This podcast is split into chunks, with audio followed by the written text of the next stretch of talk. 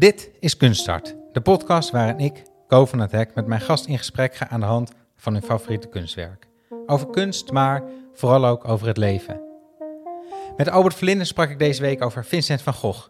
En dat gesprek ga je straks luisteren, maar eerst even dit. Vorige week had ik het met Anne Meester, directeur van het Frans Hals Museum, over waarom wij denken dat mensen niet zo vaak naar het museum gaan. Het was een leuk gesprek, maar als reactie hierop kregen we een bericht van Bob van Laan, vriend van de show. Hij wees ons erop dat wij als kenners uh, daar misschien ideeën over hebben waarom mensen minder vaak gaan. Maar de luisteraars, jullie dus, weten dat vast veel beter. Um, de crowd weet het immers altijd beter. Dus heb ik vandaag geen kijktip, maar een oproepje. Ben jij nou iemand die niet zo vaak naar het museum gaat als je zou willen? Schaam je niet, je bent niet de enige. Nee, ga naar vriendvandeshow.nl slash kunsthart en laat ons weten waarom je toch niet zo vaak gaat. Dat kan in tekst, maar helemaal leuk, ook voor ons in een audiobericht. Goed, dan Albert Verlinde. Hij is theaterproducent, tv-persoonlijkheid en behoeft verder eigenlijk geen introductie. En hij stond hoog in ons, op ons lijstje van ideale gasten, omdat hij van kunst houdt, maar dat veel mensen dat misschien niet van hem weten. En dat zijn volgens mij de beste pleitbezorgers. Ik had het met hem over een van de laatste werken van Vincent van Gogh, over hoe zijn partij, die van Albert Verlinde, wat de VVD is, naar kunst kijkt, over of hij echt zo opgeruimd en vrolijk is als hij overkomt, over M&M's eten in bed en natuurlijk over Vincent van Gogh, die musical. Dan nog even huishoudelijk. Um, volg ons in je podcast-app en laat als het kan in je app een recensie achter. Dan kunnen andere mensen ons beter vinden. Volg ons op Instagram, kunsthartpodcast, voor meer kunst in je feed. En word vriend van de show. Dan kun je voor een klein maandelijks bedrag ons een beetje sponsoren en krijg je in ruil liefde en exclusieve bonusafleveringen van achter de schermen. Allemaal op vriendvandeshow.nl slash kunsthart. En dan nu, Albert Verlinde.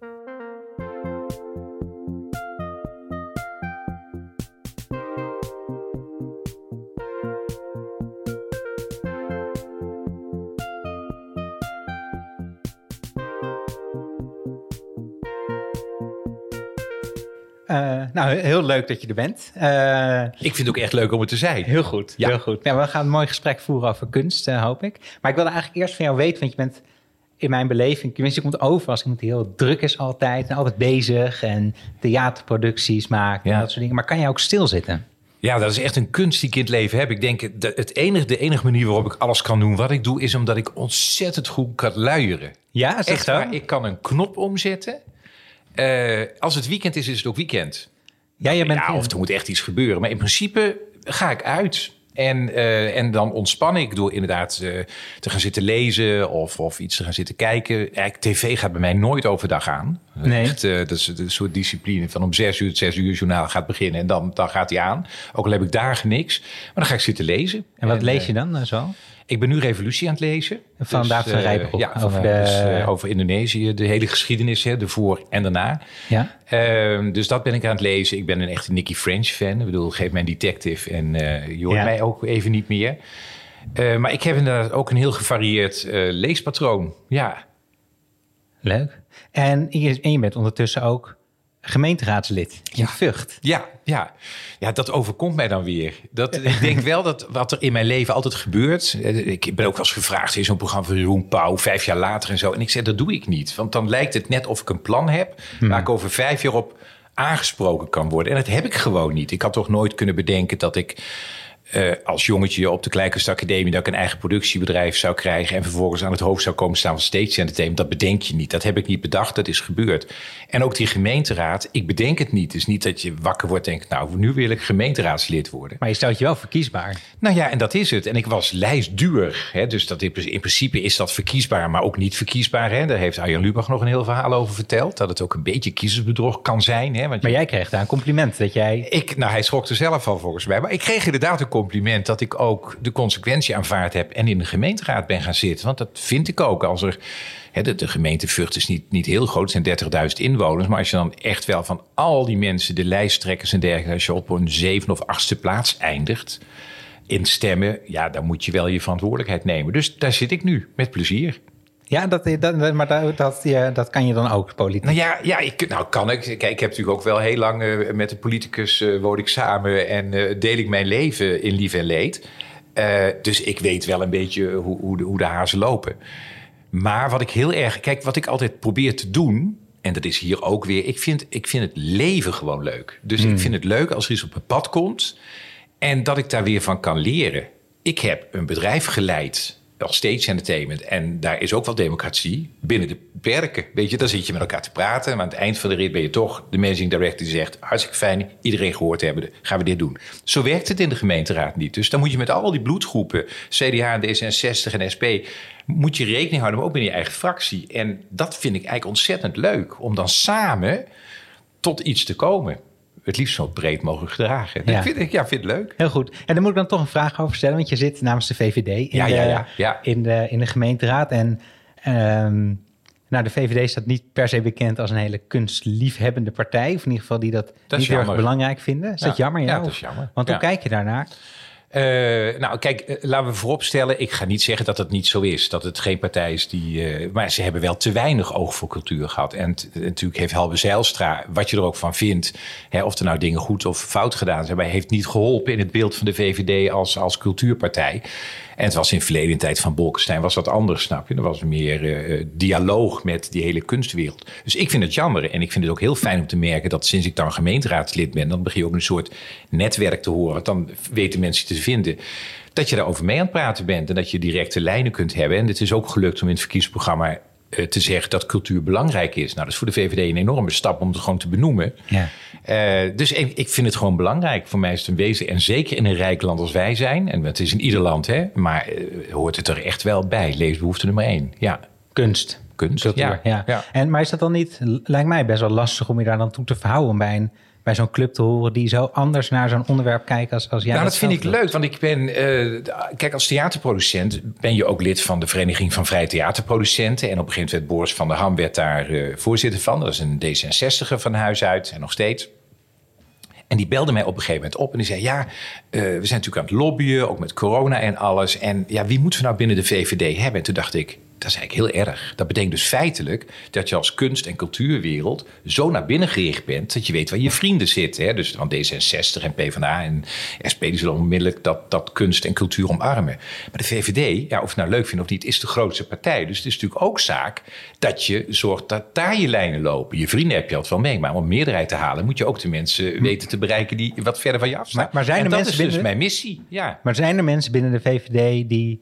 eh, eh, het- op mijn niveau komt het over als, als, alsof er niemand binnen die partij eh Nou ja, echt de, her- opkomt voor nou ja, de, de herkenbaarheid mag groter zijn, absoluut. En het komt ook door het gedoe van, mag er is allemaal partijpolitiek, maar het geschuif van, eerst was het Thierry van Aartsen, hè, dus die, die was, eh, nou, die heeft een, een interview, die is inmiddels zit, zit hij op de economische zaken. Dus op een gegeven moment weet je ook niet meer waar je naartoe moet. Nee, maar, Thierry, maar, Thierry, sorry, maar Thierry Aarts heeft ook gezegd... eh, waarom krijgt het Concertgebouw wel geld en de plaatselijke fanfare niet? Ja, maar ook daar vind ik wat van. Wat ik bedoel, cultuur is breder dan alleen maar het concertgebouw. Snap je? Tuurlijk, Eh, ja. En wat ik aan het concertgebouw zo buitengewoon boeiend vind is... en ik ben ook voor het concertgebouw. Hè, en Simon Reining, hartstikke leuke vent. En het, het moet er allemaal zijn. Maar met alle respect, binnenhalen van geld... en ook van de rijke mensen van deze wereld voor het concertgebouw... is een stuk makkelijker binnenhalen van geld van, eh voor fanfares en dergelijke. Dus dit moet Uit, niet... uit, het, uit, het, eh, uit het publiek bedoel je? Publieksgeld. Snap je? Dus dan denk ik, ja jongens, het is allemaal makkelijk om te zeggen dat hoort er niet bij. Maar er zijn ook mensen bij betrokken. En als er nooit mensen leren schilderen op een amateurclub of leren spelen in een, in een fanfare, dan komen ze misschien ook nooit in dat concertgebouworkest. Dus je moet wel de hele linie. En dat wil niet zeggen dat ik zeg. Kijk, wat ik bedoel. Het moet niet zo zijn dat je eh, de, de artistieke eh, importantie. Gaat, je gaat steeds Ja. praten politicus ook, hè? Maar de art- artistieke importantie van een concertgebouw onderschat of ondermijnt door het op één lijn te zetten met fanfares. Dat is niet de bedoeling. Maar het is Maar zo wel- hebben veel mensen dat we ervaren die ja, maar dat is denk ik ook. Ik denk als een D66er met hetzelfde verhaal was gekomen, was dat misschien veel milder omschreven. Want dit was natuurlijk ook dat je denkt, ah, nou, daar gaan we weer. Dit is wat de VVD ervan vindt. En ik vind het jammer. En ik heb alleen maar de afgelopen tijd gemerkt dat als ik met zaken zat, want ik ben met, heel veel dingen binnen de culturele wereld binnen, met een hele mooie actie. Hè, mooier dan ooit om mensen naar theater en naar de, naar de musea te krijgen. En dat ik gewoon overal gehoor vind binnen de politiek. En, en uh, ook binnen de VVD. En dat dat breed gesteund wordt, dat daar geld voor komt. Dus die boodschap is echt wel helder inmiddels. Oké, heel goed. Ik heb hier nog heel veel vragen over. Maar, nee, maar dat moet ook. Maar ik zie, ik zie ook kijken. Maar weet je ja, ik sta gewoon voor de VVD en ik sta ook voor economie. Maar ik vind ook, de VVD uh, zit natuurlijk al tien jaar in, in de regering. Daar hoort ook vernieuwen bij. En bij die vernieuwing hoort dus ook dat je tegenwoordig als VVD niet meer de rechtse bal bent die achterover leunt en denkt: als ze mijn belasting maar goed geregeld, vind ik het allemaal prima. Nee, daar hoort ook bij dat je duurzaam bent, dat je oog hebt voor het klimaat, voor de, sociale uh, mensen die het minder hebben en voor kunst en cultuur. Dat, dat hoort er gewoon bij. Wil je een volkspartij zijn, hoort dat in het pakket. Heel goed. Laten we dan naar de kunst gaan, want daarvoor zitten we hier. Even kwijt. Nee, maar dat is, het is, ik vind het een mooie oproep aan je, aan je partijgenoten. Ja, ja. Um, we gaan het zo over het kunstwerk hebben. Het is van uh, Vincent van Gogh. Maar eerst gaan we luisteren naar Emma Waslander. Zij, uh, elke week vertelt zij in twee minuten iets over het leven van de kunstenaar. Oké, okay, mooi. Stel je voor, je hebt in tien jaar tijd ongeveer 900 schilderijen gemaakt en houdt onvoorwaardelijk van je vak. Maar de rest van de wereld moet er niets van hebben. Nu kunnen we ons er natuurlijk niets bij voorstellen, maar in zijn eigen tijd was Vincent van Gogh allesbehalve wereldberoemd. Vincent werd op 30 maart 1853 geboren en groeide samen met drie zussen en twee broers op in het Brabantse dorp Zundert. Het gezin maakte veel wandelingen, waardoor Vincent liefde voor de natuur werd gevormd.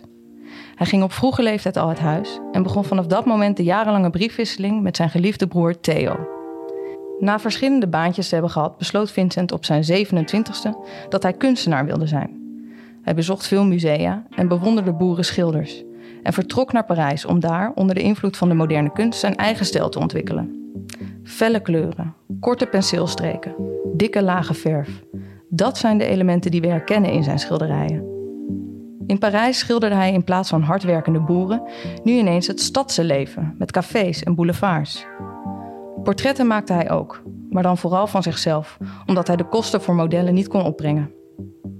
Na twee jaar Parijs verruilde hij de hectiek van de stad om met het Zuid-Franse platteland, in de hoop daar rust en helder licht te vinden. Maar zijn tijd in de Provence verliep roerig.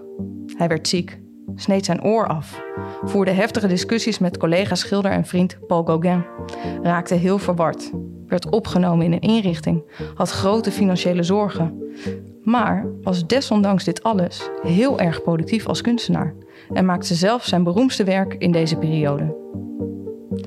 Terwijl er net wat meer waardering kwam voor hem als kunstenaar en voor zijn werk, woog dat niet op tegen zijn gezondheid. Tijdens een wandeling door een korenveld op 27 juli 1890 schoot hij zichzelf op 37-jarige leeftijd in de borst met een pistool, strompelde naar zijn kamer in een herberg en overleed twee dagen later met broer Theo aan zijn zijde. Punt. Punt. um, Het kunstwerk wat jij hebt meegenomen, welk kunstwerk is dat? Ja, het is, volgens mij heet Kraaien boven het, het korenveld of Kraaien boven het, uh, het, het, veld. Ik weet nooit precies hoe het titels zijn. Ko koren, korenveld met kraaien. Nou, voor mij is Maar dan zie je wel hoe ik het... In, dat is leuk, ja. want eigenlijk zijn voor mij die kraaien... Ik ga het even beschrijven wat, wat we zien. We zien dus inderdaad in de hele bekende Vincent van Gogh-stijl... zien we uh, met die korte uh, penseelstreken... zie je inderdaad korenvelden. Je ziet er ook wat paden omheen lopen en dergelijke. En je ziet best een sombere, sombere opdoemende uh, alle tinten blauw lucht daarboven. Hè. Dus die tegenstelling tussen die prachtige gele korenvelden en die donker wordende luchten, dat duisteren. En daar, echt, echt, donkere lucht, hè? van die lucht waarvoor je denkt, snel naar binnen. Moet naar binnen, de dag zwemmen is voorbij. Uh, dat, en daar zweven kraaien boven. En kraaien natuurlijk altijd iets onheilspellends. Dat is heel oneerlijk, wil ik de beesten ook niks aan doen. Maar ook als ik een kraai zie, denk ik, oh, de dood. het zijn ook aaseters, toch? Dus het heeft wel ergens... Daarom, dus het klopt, het klopt wel. En dat zie je ook. en dat maakt het dreigende van dit schilderij. En dat vind ik het mooi, omdat het en die kleur heeft... die, die levenslussen naar je zit te kijken... Uh, en die die, die, die, die sombere wolken die aankomen zetten en die aaseters die daarboven hangen. Nou, als je dat allemaal combineert en dat verhaal wat we net weer hoorden van Van Gogh. En dit is heel lang heeft dit te boek gestaan als zijn laatste schilderij. Ja. En ik, inmiddels niet meer, hè? Inmiddels, nee, weten we dat er een ander werk is. Is er een ander werk eh, gekomen. En dat is heel boeiend. Want ik heb op een gegeven moment een rondleiding gekregen met mijn familie. Heel lief van Axel Ruger van het eh, Van Gogh Museum. Uh, en Hoe lang geleden was dat? Ik denk dat dat zes, zeven jaar geleden was of zo. En uh, het was een prachtige rondleiding. En toen vertelde hij ook dat verhaal. En we stonden te kijken. Ja, inderdaad, een depressieve Vincent van Gogh. En je snapt het ook. Je ziet het ook. Kijk toch eens, die man is somber. En dat is het mooie aan dat verhaal. Dus dat heb ik ook altijd meegenomen. Dat vind ik ook. En het, het blijft een prachtig schilderij. Maar het, Alleen- ook het is niet zijn laatste, maar het is wel echt vlak voor zijn dood. Vlak voor zijn dood. Alleen nu zijn ze erachter dat er echt een, een ander laatste schilderij is. Met boomwortels, wat heel kleurrijk is. En wortels zijn weer juist hoop en toekomst. Dus dat is ontzettend merkwaardig. En het mooie is dat het schilderij, en daarom heb ik het ook meegenomen, nou niet letterlijk meegenomen, maar in mijn hoofd meegenomen. Omdat het, het blijft mooi en intrigerend. Ook al weet je dat het niet zijn laatste schilderij is, maar misschien een van zijn laatste schilderijen. En ook al weet je dat wat jij invult, dat het hier een depressieve schilder aan het werk is, dat dat misschien helemaal niet het verhaal is. En dat is voor mij de essentie van een mooi en goed schilderij of een mooi en goed kunstwerk. Dat je er steeds weer opnieuw naar kijkt en steeds weer op een andere manier naar kijkt. En of dat nou te maken heeft met de kennis die je erover krijgt, of dat je leven verandert in de loop van de jaren, dat je er steeds op een andere manier naar kijkt. Dat een goed kunstwerk moet, moet praten met je, eigenlijk. Mooi. Ja. En kan je, kan je ons meenemen, want dus, je, had, je had een rondleiding eh, eh, zes, zeven jaar geleden Ja. eh, met je ouders. En toen zag je dit werk voor het eerst, of in ieder geval maakte voor het eerst zo'n indruk Ja, op je. ja. Kan je ons nog even meenemen dat, naar dat moment? Wat, wat voelde je? Wat, wat, wat dacht je? Wat, Nou, wa- wat ik dacht is. Oh jee. het leven is altijd mooi. Bedoel, mijn ouders zijn er inmiddels niet meer. Dat weet je ook niet als je zeven jaar eh, geleden rondwandelt. Dat ze er vier eh, eh, jaar later niet meer zijn. Maar dat is dit schilderij ook een beetje. Ik denk dat ik dat op dat moment voelde. De, alles wat mooi is, daar komt ook een einde aan. Of daar komt ook een verandering in. Dat wil niet zeggen dat het daardoor minder mooi wordt. Maar alles beweegt en dit schilderij beweegt en je leven beweegt. En steeds als je net denkt, ik ben er, dan glipt het weg. denk je, nou, waar die nou weer vandaan kwam. ja. Eh, en dat, da- ja, dat, dat vind ik mooi. Dat spreekt me aan. Ik denk dat dat me zo raakt. En dat wordt eigenlijk alleen maar meer nu ik ook dit verhaal vertel. Hè, dat, met, dat rondloopt met je ouders en mijn moeder, die een klein vrouwtje was, die echt zo stond te Ja, wat vonden zij ervan? Ja, ze vonden het prachtig. Sowieso dat, dat de directeur van het Van Gogh je rondleidt. Dat is natuurlijk al prachtig. Maar het, het aan zijn lippen hangen en, en dit zien... en natuurlijk toch ook dat eeuwige verhaal van de miskende artiest... was mij natuurlijk ook heel bang voor geweest hè, toen, ik, eh, toen ik jong was. Ben je een miskende artiest? Want je bent, je bent ooit Nee, daar waren, daar waren ze bang voor. Oh, oké, ja. Nee, ik ben natuurlijk geen... Nou ja, nee, ik, ik ben misschien door mezelf miskende artiest... maar niet door anderen. ik heb ze gewoon nooit een kans gegeven om, eh, om er iets van te vinden. Ja, maar ik vind het echt mooi als ik zo weer kijk. Ja. En ik vind het ook mooi dat je, wat je zegt, dat het aan de ene kant, het is een, het is een heel donker schilderij, maar er zit ook heel veel leven in, in dat, Ja. in dat, in dat graan, waar ook nog een beetje bijna lijkt alsof de zon er nog op schijnt. Of, Ja, ja, het is echt. En ook die luchten daarom. Jij zegt ook sombere luchten, maar er zit toch ook alweer een, een bepaalde tinte lichtblauw zit erin. Dus het is zo. Ja, en dat is mooi. Hoe lang kun je erover praten? Hè? Want het is, het, voor hetzelfde geld zijn de luchten weg aan het gaan. Hè? Dat weten we ook niet. dat, het dat, net- dat, het- dat, het- dat het ja, lichter dat wordt. het net lichter wordt.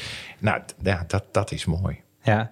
ja, en inderdaad, en het is een, waarom het misschien ook heel lang te boeken heeft gegaan als zijn laatste schilderij, omdat het verhaal zo, zo, Ja. zo, zo goed erbij klopt. Hè? Dat hij ook eh, eh, zichzelf heeft geschoten in een korenveld, terwijl hij het lijkt alsof, die, jij zegt, ze hangen erboven. Ik zie het bijna meer alsof ze opvliegen. Ja, ja, dat Alsof er iets ze gebeurd is schrikken in van dat een- veld. Van er is iets gebeurd. Een ja. schot ja, en ik ben meer eens dat het soort gieren bijna zijn die Oh, die, erboven hangen. Die, ja, ja, ja. eh, oh, en jij denkt inderdaad van er is iets. Ja, want dat is ook vaak als er iets van een, van een karkas of zo in, dan, dan komen natuurlijk die vogels erop af. Maar het Ja. kan ook zijn dat ze er zaten, omdat ze gewoon klassiek eh, eh, zaadjes aan het eten waren en opgeschrokken zijn door iets wat daar eh, de knal Ja, misschien. Ja, ja. ja. dat is mooi. Ja, en, en ik vind het ook mooi dat je zegt dat, je, dat het, eh, hoe je naar een kunstwerk kijkt, wat een kunstwerk jou vertelt, ook verandert door de Ja. tijd. Die ervaring heb ik ook heel erg. Wat is dat nu? Hè, je vertelt net hoe het nu was, of hoe het toen was, zes, zeven jaar geleden. Hoe, hoe kijk, je, is, kijk je nu echt anders naar? Ja. Kijk, je kunt moeilijk iedere keer met volle energie naar een schilderij kijken, snap je? Dat kan ook niet. Daarom zijn musea hele rare instellingen eigenlijk. Want die verwachten eigenlijk dat je 400 keer de oh, ervaring krijgt. Dat kan natuurlijk helemaal niet. Eh, maar een schilderij wat gewoon eigenlijk in je, in je hoofd zit... en dat is dit schilderij, dat verandert mee. Alleen al door dit gesprek alweer. Ja, Dat vind ik, eh, dat jij zegt, ja, ik zie ze juist opvliegen, die vogels. Dat ik ze juist de andere kant op zie gaan. Nou, daar kan de psycholoog ook op los. dat, waar dat dan vandaan komt. Ja, ik Ja. vind dat eh, intrigerend. Ga je vaak naar het museum eigenlijk? Ja, ja, ja. En dan ja, heel erg, hè, toch voornamelijk altijd weer in het buitenland. Dat is Ja. toch schandalig. Hè? Wat dat is, weet ik ook niet. Ik bedoel, ik woon in het museumkwartier. En natuurlijk kom ik er wel eens. Hier in Amsterdam om Ja, de hier hoek, in eh, Amsterdam om ja. de hoek. Dus het is er allemaal. Maar dat is toch anders dan dat je in Londen denkt. Ook omdat vaak in een stad, als je er een paar dagen bent... dan wil je ook variatie in je leven aanbrengen. En ik ga natuurlijk, als ik naar New York of Londen ga... dan ga ik voor theater. Maar goed, en als je de week gezien hebt... Dan, dan weet je dat ook wel. En dan overdag ben je tijd aan het vullen... en dan is er niks... en ik ben niet zo'n shopper eigenlijk... Ja, dan is het toch niks zo lekker als een, een museum binnenwandelen. Wat is je, je, hebt, je hebt dus veel musea, het is ook gezien over de hele wereld. Ja. Wat is je favoriete museum? Nou, het raar Waar is, moeten we hij- heen Hij is helemaal niet zo bekend. Maar eh, waar, wat voor mij een, favoriet gebied is, is die South Bank in Londen. Dus eh, de mensen blijven voornamelijk altijd aan die ene kant van, eh, van, van de Theems. Hè, waar de Big Ben en alles staat. Maar als je de brug overgaat, is daar een soort cluster van theater en, en filmmuseum. Ook een bioscoop waar hele mooie film, eh, films gedraaid worden. Maar er zit ook een Hayward Gallery, heet dat. En die is helemaal niet zo bekend. Het is best klein. Er zijn wel installaties. Ja. En nou, daar ben ik dus ook een keer op verdwaald. En dacht, nou, ik ben al zo vaak in Londen geweest. Maar iedere keer dat bordje Hayward Gallery gezien. ben nog nooit binnen geweest. En dat was een sensatie echt. Dat was Maar dat is wel een galerie dan eigenlijk? Of Nee, het is, eh, nee, het is echt. Nee, dat dacht ik ook namelijk. Ik denk, nou, dan gaan we kijken of er iets te kopen is. Maar het zijn echt installaties. Het is om te bezoeken. Eh, Ah, ja. Dus er zijn allerlei. Het is ontzettend interactief. Dus je kunt eh, jezelf in spiegels terugzien. Weet je, dat soort ervaringen. Of met allerlei ballen die op de grond liggen. Nou, dat, dus natuurlijk kun je het Guggenheim noemen. En je kunt het Louvre noemen. Maar ik Mhm. vind juist dat soort. Dat je elkaar doorvertelt, zo'n onontdekt museum. dat vind ik ook veel leuker dat je met zoiets komt, eh, ja. d- Doe dat. dat. Dat vond ik echt gaaf. Ja, Dus in Londen een keertje naar Hayward. ja absoluut. Ja. Oké, heel goed. En eh, ook om toch even over je ouders, want je... Heb je die liefde voor de kunst van je ouders meegekregen? Ging jij, namen je ouders als, als kleine Albert al mee naar het museum? Ik moet zo lachen. Omdat ik denk niet, en ik zal je uitleggen waarom ik moet lachen. Ik denk niet dat ze me ontzettend bewust eh, kunst en cultuur meegegeven hebben. Maar het rare is, dat als ik dat terugdenk, was er wel heel veel kunst. En dat waren, dat waren namaakdingen, snap je? Dat waren nou, alleen als sigaren of sigarettendoos met een nachtwacht erop, snap je? Dat is toch iets wat in je onderbewustzijn als kind... zie je dus wel dag in dag uit al die nachtwacht van Rembrandt. Hè, dat wil niet zeggen, mijn ouders ontzettend fanatiek met kunst Maar op een, op een, op een sigaretten. Op een sigarettendoos. Maar toen had je het meisje met, eh, met de parelhair Ja, van Vermeer? van Vermeer. Ja, dat echt als kind eh, ging het over dat schilderij. En het hing bij ons als, hoe heet dat, replica aan de muur. Ja. En echt waar, ik zeg dus echt in de klas... "Ah, dat hebben wij thuis. Dat ik, had, ik had me nooit gerealiseerd. Ik dacht echt, nou, dat is mooi. Dat, hebben is toevallig. Wij. Dat Ja. hebben wij. Dus ze waren er niet zo bewust mee bezig. Maar ze hebben wel altijd eh, gestimuleerd. En het was er wel altijd. En ze hebben mij ook natuurlijk... Ik denk dat het ook de kunst van ouders is. Omdat al, als je een tik bij je kind ziet... dat er een hang is naar kunst of naar eh, eh, muziek of zang of wat dan ook... om dat toe te staan en niet te denken... wat is het kind nou aan het doen? En ik denk dat dat de grote kwaliteit van mijn ouders is... dat ze me hebben laten begaan. Ja, dat je, Ja. Dat je mocht worden wie je... Ja, echt waar. Dat is wat. Dat je dat niet dooddrukt omdat je, ik was ik, ik, enig kind van mijn, enige zoon van mijn ouders. Dus dan word je in principe geacht om, eh, nou ja, in ieder geval te zorgen dat er misschien ook nog een klein kind komt. Nou, dat zat er dus al niet in. En, eh, en dan kon ik ook nog ontzettend goed leren. En dan ga je naar de Kleinkunstacademie. Dus alles waarvan je eigenlijk als ouder zou denken... nou, dit is hem, hij gaat het allemaal doen. Nou, dat doet dus allemaal niet. En daar hebben ze nooit een punt van gemaakt. En dat vind ik mooi. Ja, heel liefdevol. Ja, echt heel liefdevol. Ja, Mooi. ja, ja. En eh, toen nog even terug naar het kunstwerk, want we hadden het over, de, eh, over toch een beetje de donkere kant ook die, daar, die erin zitten. En de, misschien de depressie die jij in ieder geval op dat moment had, of een, nou, in ieder geval mentale problemen. Ehm, en wat ook zo mooi is, vind ik aan Van Gogh, is dat ook al die brieven hebben die hij heeft geschreven aan zijn, eh, aan zijn broer, waarin hij, want zijn broer ondersteunde hem financieel en in, daarvoor stuurde hij schilderijen naar zijn broer, vaak met eh, brieven erbij waar het kunstwerk dan over ging. En ik heb even opgezocht wat hij over dit kunstwerk geschreven heeft. Oh. Ga je het toch even voorlezen, want dat zegt ook wel iets wat hij in ieder geval ook mee heeft bedoeld. Dus hij heeft er geprobeerd om daarin uit te drukken een triestheid en een extreme eenzaamheid. Aan de ene kant, maar ook hoe gezond en hartversterkend het platteland kan zijn. Maar ik was eigenlijk benieuwd naar die, die, die triestheid en die, en die extreme eenzaamheid. Want je komt altijd over op tv en in de media als een hele opgeruimde, vrolijke man. Je zit hier ook vrolijk te vertellen, heel fijn. Ja. Maar ik- eh, die triestheid moet je, toch- moet je ook kennen. Ja, niet veel. Nee? Ik zou het je graag willen geven, maar het is echt niet waar. Ik, ik heb wel eens een dag dat ik, dat ik het even niet nou niet zie, dat is een grote term, maar ik ben ontzettend opgeruimd. Ja, echt, daar kan ik weinig aan doen. Dat zit gewoon in me. Lachend en Eh, dansend door het lachend leven. En, en dansend en fluitend eh, door het leven. Letterlijk fluitend op straat. Dat zit gewoon in me. En natuurlijk heb ik wel eens een dag, maar dan soms sta ik het ook gewoon toe. Dat ik denk, nou, dit is dan zo'n dag.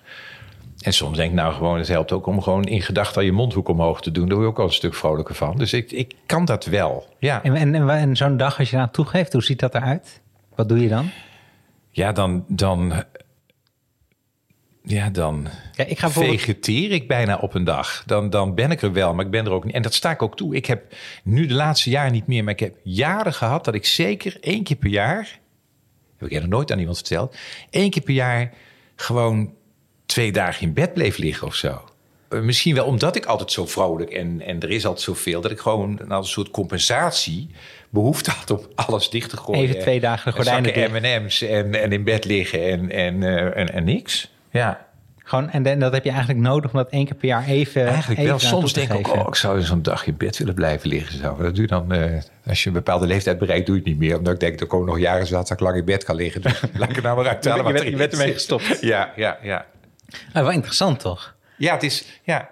Nee, Ja, omdat- Maar misschien, jij begon ook over die rust hè, in het begin. Van, eh, je bent altijd druk en zo.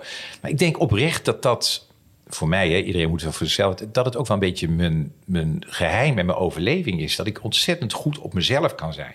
Dat ik ontzettend goed het fijn kan hebben door alleen thuis te zijn. Of, en dan kan ik echt een week lang, maakt mij niet uit hoor. Ik, ik vermaak me wel. Ja. Hmm. Ja. ja, want ik ben dan toch benieuwd ja, wat, het- wat dan het geheim is van, eh, van zo'n vrolijk leven. Behalve dus af en, toe, af en toe twee dagen even niet. Ja. Moet ik even over nadenken. Het geheim. Ja, ik weet het. Ik, misschien toch wel dat je, dat je niet leeft bij verwachtingen. Ja. Dat is denk ik ook een boodschap die ik van mijn ouders meegekregen heb. Dus ik verwacht in principe niets van het leven. Ben ontzettend blij met alles wat mij overkomt. Wat de verwachting is, het kan Dat leiden tot moet- teleurstelling. ja, dat je dit moet bereiken of dat. Of dat je eigenlijk je leven lang examen aan het doen bent. En ik denk dat dat iets is wat ik heel snel afgeleerd heb. En dat heb ik ook aan mijn, aan mijn ouders te danken. Mijn vader was al heel vroeg dat hij tegen mij zei van... We zijn je ouders, en, maar je hoeft nooit dankbaar te zijn. En dat vond ik, dat, ach, op dat moment... Weet je, je Naar bent hun toe niet 11 dankbaar. Of, ja, je bent 11 of 12, denk ik, nou, het zal wel. En later denk ik, wat zijn dat eigenlijk wijze woorden? Want daarna ga je studeren. Je gaat in Amsterdam wonen. Je ziet ze zes, zeven weken niet. Eh, ja, als je ziet is het om een zak met was eh, te komen brengen. En dat je dat gewoon doet zonder dat je denkt... ja, wat ben ik nou... Dat, eigenlijk heeft je dat zaadje toen dat je dacht... nou, ik moet, ze, ik moet hem wel vasthouden natuurlijk. Dus moet ja, hij, ze, wilden, ze waren mijn anker. Ja. En ik mocht ontzettend heen en weer bewegen... en alle vrijheden hebben. Maar dat anker, dat was er. Ja. ja, precies. Dus niet te veel verwachtingen. Nee. Ik ga toch gaan kijken of Ja. je hier wat van kan leren. Ja. Eh, niet te veel verwachtingen. eh, eh, niet te dankbaar zijn naar dingen die vanzelfsprekend moeten zijn. Of hoe, Nee, en, nou, ja, nee, en eigenlijk genieten en zien van wat er, wat er wel op je pad komt. Eh, want als er één ding is waar ik spijt van heb, ik heb heel veel meegemaakt vanaf. Ik, bedoel, ik, ik heb eigenlijk tot mijn dertigste heb ik met een aanvullende uitkering eh, geleefd. En dat heb ik later wel ingehaald. Maar tot Ja. die tijd. eh, en dat vond ik, ik. Nou ja, ik was meer in de kroeg dan dat ik thuis was. Ik heb een ontzettend leuk leven geleid in die tijd. En daarna is er heel veel op mijn pad gekomen. Maar wat ik ook wel eens jammer gevonden heb, is dat ik zoveel tegelijkertijd deed. En een theaterbedrijf opzetten en runnen. En vijf dagen in de week RTL Boulevard doen. En er liep nog van alles omheen. En dat ik achteraf denk, ik heb zoveel leuke en mooie en goede dingen meegemaakt. En ik heb ze eigenlijk vaak niet eens gezien. En, en dat wil ik dan wel meegeven. Dat als je, als je geluk nastreeft in het leven dan is het zo belangrijk om te zien wat er op je pad komt. En om te erkennen dat het bijzonder en goed en leuk is wat je overkomt. Als je dat namelijk niet ziet, dan ben je ook niet klaar voor de tegenslag die komt. Want dan zie je het relief niet meer. Nee, dat is mooi. Maar dat is ook wel, als het, het heeft, als het heel veel meezit, dan is dat misschien ook wel makkelijker? Of is dat... Ja, dat misschien wel, maar ik heb wel gemerkt, omdat op een gegeven moment kwam ik dan natuurlijk in een storm terecht en zijn er heel veel dingen gebeurd in mijn leven, maar dat ik die ook wel aankon, eh, omdat er toch ook wel een soort innerlijke kracht opgebouwd was. Ja, En wat voor, wat voor storm, welke storm doe je nu? Nou, alles. Anthony, en mijn zwager die zelfmoord pleegde en uh, gedoe met Onno. En daarna mijn ouders overlijden. Dus ik heb heel lang eigenlijk tot mijn, tot mijn vijftigste was ik een soort dat je denkt... nou, uh, het jongetje dat niet volwassen wordt. Hè? Dus het is allemaal leuk. Kijk toch eens wat er gebeurt. En Bo noemde ooit uh, Albers met zijn... Uh, die is in de suikerpot gevallen en vreet hem helemaal leeg. Uh, dat, dat, was ik. En toen op mijn vijfde heb ik altijd gezegd... leek het net alsof er hierboven, als er hierboven iemand zit... dacht, nou, dan heeft hij wel genoeg mazzel gehad. Nou, gaan we eens even kijken wat hij allemaal aankwam. En toen kreeg ik gewoon de zeven plagen bekant op. Ja. En ja, nou, dat, die heb ik dan allemaal weer meegemaakt. Ja. ja. En, en is dan, helpt kunst ook in zo'n in zo'n moeilijke tijd ja. uh, om ja. je daar doorheen te, te helpen? Ja, en kunst in de meest brede zin van het woord. Van in een museum rondwandelen, lezen, uh, kijken. Echt, kunst helpt. Ja, daar en hoe, hoe, help, hoe help je dat dan? Hoe, Door, dat, hoe werkt dat voor jou? Voor mij is het ook heel vaak reflectie. Het geeft ook uh, antwoorden. Ik heb, oh ja? Ja, ik, ik heb eigenlijk altijd mijn hele leven al... Ik, ik heb altijd mezelf... Natuurlijk heb ik een opleiding Kleinkunstacademie gehad. Maar goed, dan sta je voornamelijk te zingen, te dansen en te acteren. En, en dan zit je niet in de collegebanken. Dus ik had op een gegeven moment voor mezelf iets van... Ik moet mezelf triggeren. Dus als ik op vakantie ging of het weekend... dan ging ik altijd... Ik nam leuke boeken mee om te lezen...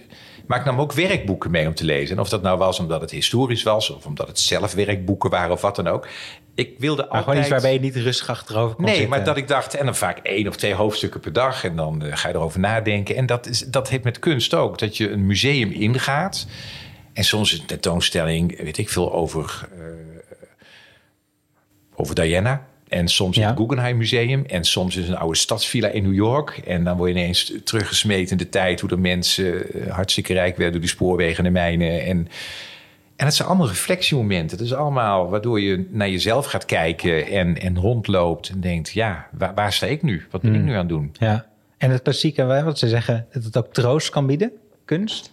Ja, en dan, maar dat heb ik toch voornamelijk met liedjes. Met liedjes? Ja, oh, ja, ja, ik ben wel een, een tekstenman eigenlijk, denk ik. ik, ga niet zo snel uh, naar een... Je vindt dat niet in een museum, die troost? Nee, maar toch één ding wat ik wel... Uh, als je nou hebt over uh, hoe kunst mij inspireert en hoe het iets, iets prikkelt. Ik heb thuis, ik heb een paar kunstwerken. Uh, ja, dat wil ik nog vragen. Je, je, je koopt of je verzamelt ja, ook? Ja, ik, ik, ik, koop, ik verzamel. Maar ik, wat ik mooi vind, dan denk ik, nou, dat koop ik. En een van de eerste dingen die ik ooit op de TEFAF gekocht was een tekening. Moet ik even goed uitleggen. Er was in de jaren 30 in Duitsland was een blad dat heette Simplicissimus. En dat was ook een beetje een, ja, met cartoons, maar ook maatschappij kritisch en dergelijke. En daar stond een cartoon in, die heb ik ooit gezien in een boek over Walt Disney. Daar stond een cartoon in in de jaren van Mickey Mouse, die in een spot staat. Ja. En daar staan, en Mickey was toen pas acht jaar oud, hè, die bestond niet zo lang, of drie, vier jaar oud. En daaromheen staan allemaal oude filmsterren. Cary Grant en Groucho Marx en, en Marlene Dietrich. En die staan allemaal te kijken, waar komt die kutmuis vandaan? en, dat komt die de boel fysiek hier. Ja, dat is. En, en dat heb ik, die heb ik toen onthouden, die ja. cartoon. Die, want die maakte indruk op me, omdat iedereen die altijd denkt dat de koek verdeeld is, dan komt er iets wat de hele wereld, en of het nou in een bedrijf is, of het is in de kunstwereld of in de musicalwereld, waar het ook is, er komt altijd een Mickey Mouse op je pad. Waardoor je dacht, we, hadden het allemaal verdeeld met elkaar. En die heb ik onthouden. En die print heb ik later op de TEFAF gevonden. En die heb ik ook gekocht voor mezelf. En die hangt nu inderdaad in mijn huis als inspiratiebron van... Blijf wakker en sowieso, Albert, hou er rekening mee. Er staat altijd een nieuwe Mickey Mouse op. Ja, en eigenlijk is Vincent van Gogh ook zo'n figuur op, op een bepaalde manier. Die kwam ook de kunstwereld in. Dat moest, niemand ja. begreep dat ook.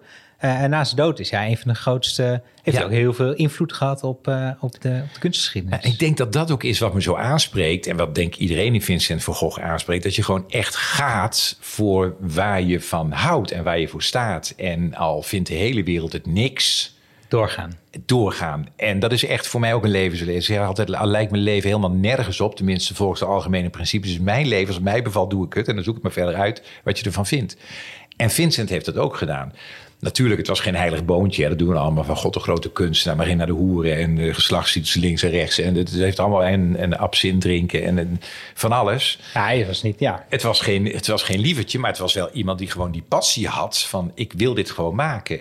Maar niet de aansluiting vond met zijn tijd. En dat blijft natuurlijk... Ik ben heel lang bezig geweest met de musical ook, Vincent. Ja, daar wilde ik ook nog Ja. vragen. Je, je, je vult alles zo in. Ja, sorry. Ja, maar dat komt doordat jij zit en dan denk ik, oh, dat is waar. Ben ik, hey, maar het is zo ingewikkeld. Dat ten eerste is het een en ander ellende.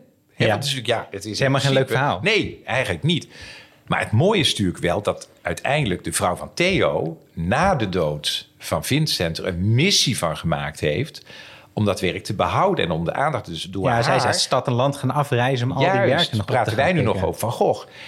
Dus, en dat is natuurlijk ook het, het deprimerende aan het van dat je, je, je, wil, je gaat toch niet dood en dat dan achteraf blijkt dat wat je gedaan hebt, dat je daarmee Mark Zuckerberg had kunnen worden, snap je? Dat is gewoon het hele verhaal. Ja. Dat is.